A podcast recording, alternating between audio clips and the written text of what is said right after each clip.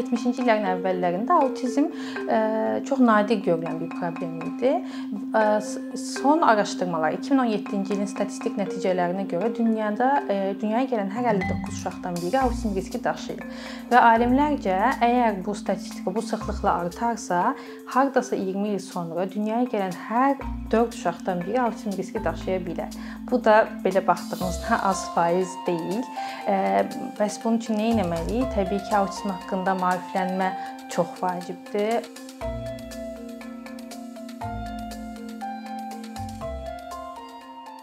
Autizm doğuşdan gələn, yəni anadan gəlmə olan, eyni zamanda həyat boyu davam edən bir nevroinkişaf pozuntusudur. Autizmin dəqiq diaqnozu psixiatrlar tərəfindən qoyulur və 2-3 yaş arası dəqiq diaqnoz qoyulur. Sadəcə bəzi mütəxəssislərcə, xüsusən də psixiatrlarca daha erkən yaşda, hətta 0-2 yaşda autizm riski daşıyan uşaqları müəyyən etmək olur. Hətta belə deyim sizə, dünyada 6 aylıq bir uşağa belə autizm riski daşıyır diaqnozu qoyan, yəni autizm riski daşıyır deyən mütəxəssislər mövcuddur. Autizmin səbəblərinə gəldikdə isə autizmin səbəbləri təəssüflər olsun ki, elmə hələ də məlum deyil. Aparılan minlərlə araşdırmalara baxmayaraq dəqiq bu da autizmin səbəbi deyə bilmirik. Təbii ki, bəzi ehtimallar var. Bu ehtimallara gec yaşda ana-ata olma, elektronik əşyalarla çox münasibət, uşağın çox münasibətli olması, ekoloji çirkləmə və s. bunlar ehtimal olaraq bilinir, amma heç biri dəqiq olaraq autizmə səbəbdir deyə bilmirik. Belə deyim sizə, 70-ci illərdə, 70-ci illərin əvvəllərində autizm çox nadir görülən bir problem idi. Son araşdırmalar 2017-ci ilin statistik nəticələrinə görə dünyada dünyaya gələn hər 59 uşaqdan biri autizm riski daşıyır. Və alimlərcə əgər bu statistika bu sıxlıqla artarsa, hardasa 20 il sonra dünyaya gələn hər 4 uşaqdan biri autizm riski daşıya bilər. Bu da belə baxdığımızda az faiz deyil. Bəs bunun üçün nə etməliyik? Təbii ki, autizm haqqında maariflənmə çox vacibdir. Valideynlər, çevrə, mütəxəssislər, hətta pediatrlar, müəllimlər belə autizm haqqında məlumatlanmalıdırlar ki, autizm nədir, autizm əlamətləri nələrdir, ona görə müdaxilə yollarına baxılmaq mümkün olsun. Dünya statistikasına görə hardasa dünya əhalisinin 1%-ni autizmli insanlar təşkil eləyir. Amma Azərbaycanda autizmin statistikasını müəyyən edən bir təəssüflər olsun ki, araşdırma mövcud deyil. Autizm əlamətlərinə gəldikdə isə autizm özünü iki sferada göstərir. Birinci sfera sosial ünsiyyət sferasıdır, digəri isə problem davranışlar sferası. Sosial ünsiyyət sferasında bir uşağın sosial ünsiyyətə girməsinə əngəl olan problemlərdir. Bunlara nümunə nəyə verə bilərik? Məsəl üçün adı çağırıldığında uşağın adına reaksiya verməməsi ya da çağırıldığını hiss eləyir, amma çönüb adına tərəf baxmaması, göz kontaktı qarşısındakı insanla, valideyni ilə və yaxud da onun ünsiyyətə girmək istəyən insanla göz kontaktı qurmaması, istəklərini ifadə edə bilməməsi. Çox kiçik yaşda uşaqlar istəklərini işarət barmağı ilə göstərirlər. İşarət barmağı yerinə ana-atasının əlindən istifadə etməsi. İfadə edici dil, yəni danışığı olduğu halda danışıqdan istifadə etməməsi. Yəni bəzi uşaqlar da var ki, danışığı var, sadəcə istəklərini bildirmək üçün danışır.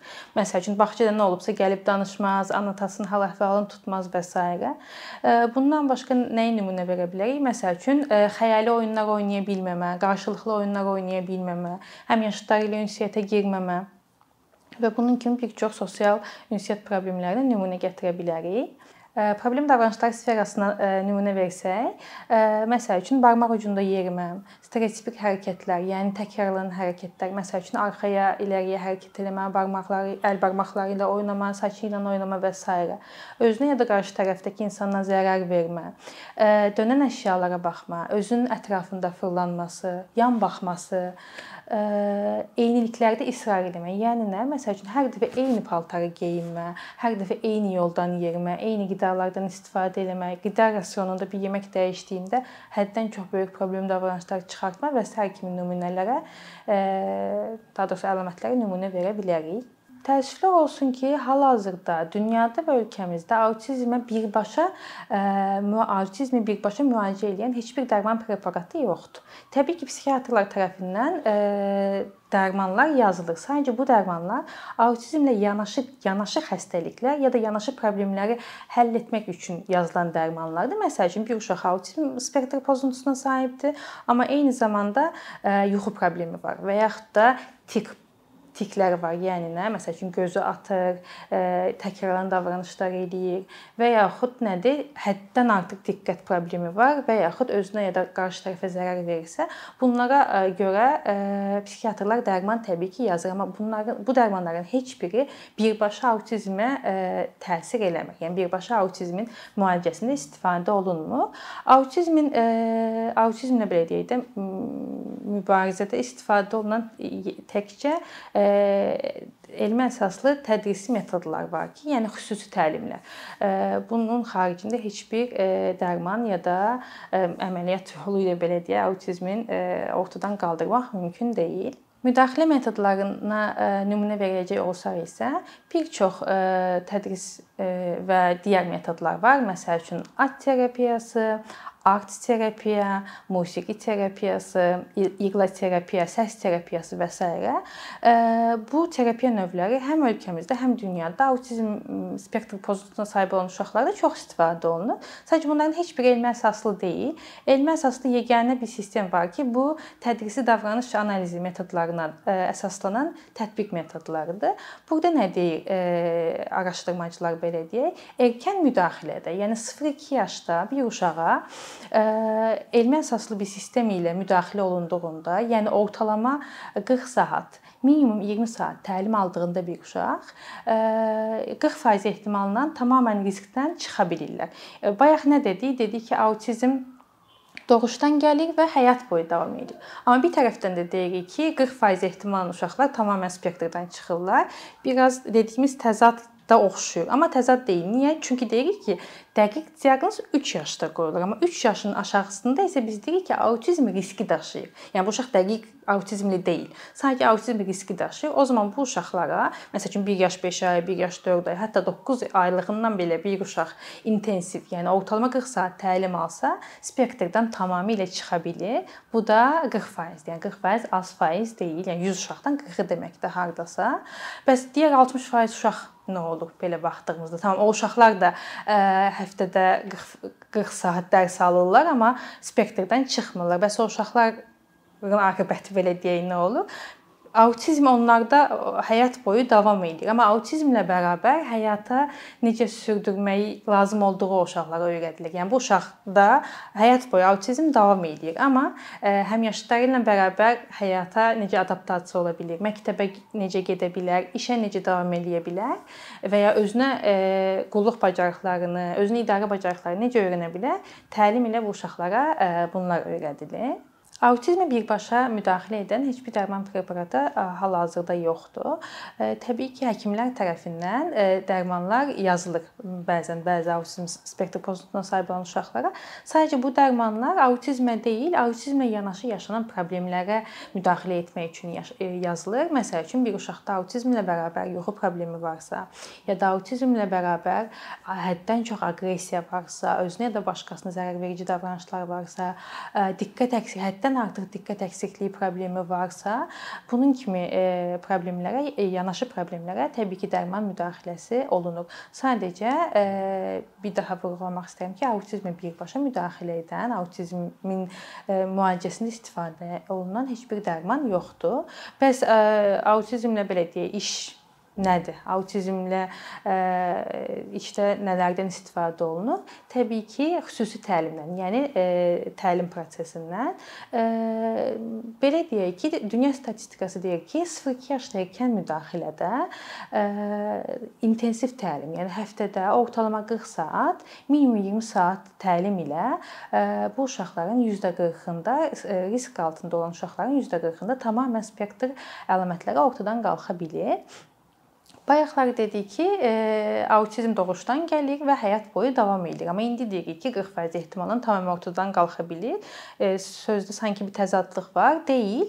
Nə üçün? Çünki deyirik ki, e, diaqnoz dəqiq olaraq 2 yaş və 3 yaşda qoyulur. Amma onun altındakı yaş qrupasındakı uşaqlara isə biz deyirik ki, autizm riski daşıyır. Yəni dəqiq olaraq autizm deyil, sadəcə autizm bəzi əlamətlərini daşıdığı üçün deyirik ki, autizm riski daşıyır. Bu uşaqlara da ortalama həftəlik 40 saat xüsusi təlim keçirdikdə bu uşaqların 40%-də risk tamamilə ortadan qalxır. Bu faiz də çox az faiz deyil. Yəni 100 uşağın 40-ı deməkdir. Bəs 60% uşaqlarda prosesinə gedir. Bu uşaqlarda təbii ki, autizm onlarda həyat boyu davam edir. Sadəcə təlim ilə, həftədə ortalama 40% təlim ilə biz bu uşaqlara, yəni mütəxəssislər olaraq bizlər bu uşaqlara autizmlə bərabər cəmiyyətə cəmiyyətə necə inteqrasiya ola bilər, onu öyrədirik. Özünü necə idarə edə bilər, onu öyrədirik. Kiçik yaşdadsa bağçaya, həmyaşıdları ilə birlikdə bağçaya gedə bilməsi, məktəbə gedə bilməsi, iş bacarıqlarına yiyələnməsini, özünə qulluq, günlük yaşam bacarıqlarına yiyələnə bilməsi üçün təlim prosesləri keçirilir. Bir çox yanaşmalar var, bir çox təlim prosedurları və yaxud da ki, yanaşmalar var, terapiya növləri var. Bunlara at terapiyası, delfina terapiya, art terapiya,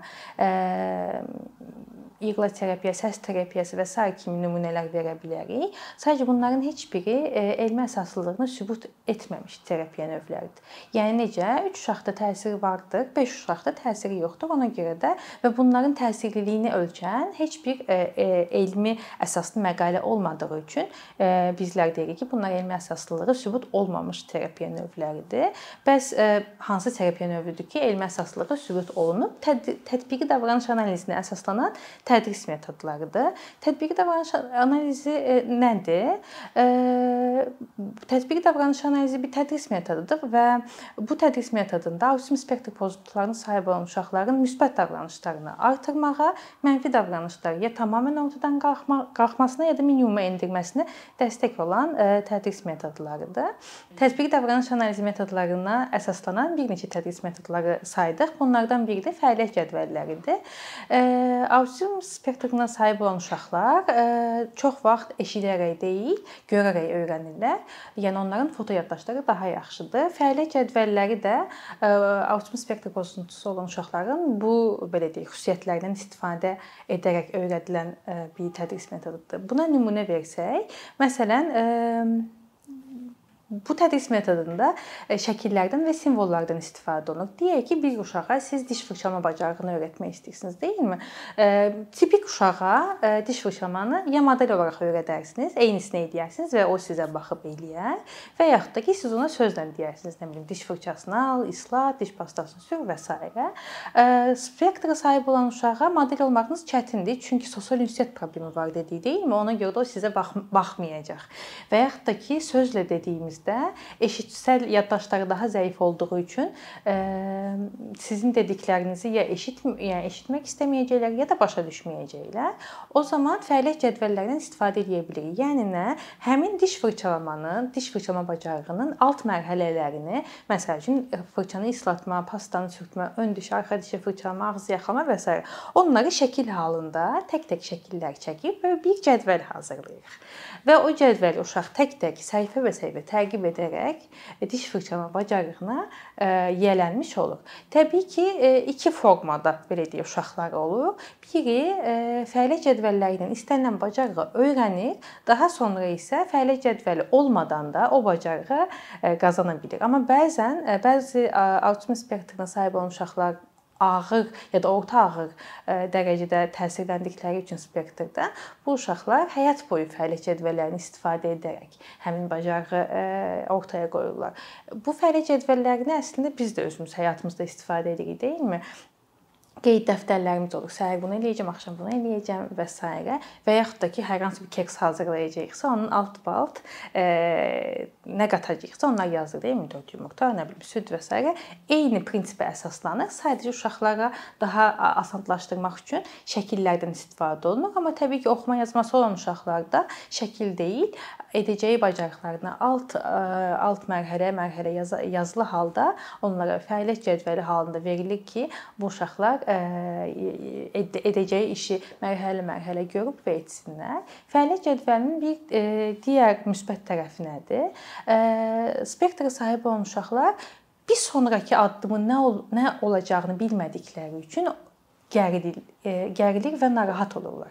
Yəni məsəl üçün e, tutaq ki, tipik uşaq məktəb vaxtı nə edir? Müəllim Azərbaycan dili dərsi keçir. Uşaq bilir ki, ardınca Azərbaycan dili dərsinin ardınca riyaziyyat dərsi gələcək, ardınca idmana gedəcək, ardınca musiqiyə, deyilmi? Amma spektra sahibi olan uşaq əgər ki, orta axır ya da axır dərəcədə ə, e, spektra sahibdirsə, bu ardıcıllığı bilmir daha sonra məsəl üçün, hə, riyaziyyat dərsidir, bilir ki, riyaziyyat dərsi keçirilir indi ona.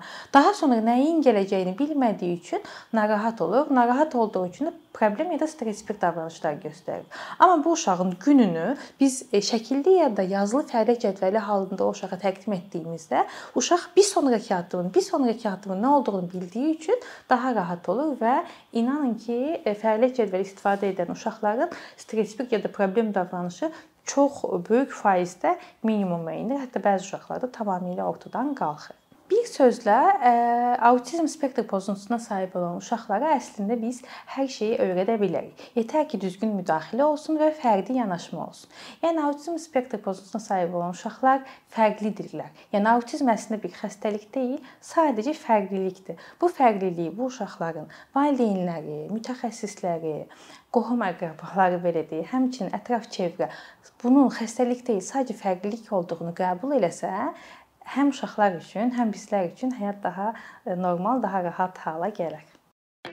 Əkinçinin yeni videoları haqqında məlumatlı olmaq üçün kanalımıza abunə olmağı və xəbərdarlıq funksiyasını aktivləşdirməyi unutmayın imkandan istifadə edərək cari patronlarımıza işlərimizi davam etməyə yardım olduqları üçün dərin təşəkkürümüzü bildiririk. Əkinçinin Patreon icmasının üzvü olaraq siz bizim təşəbbüsə dəstək göstərməklə bərabər hazırladığımız materialları hər kəsdən öncə izləmə imkanı əldə edəcəksiniz.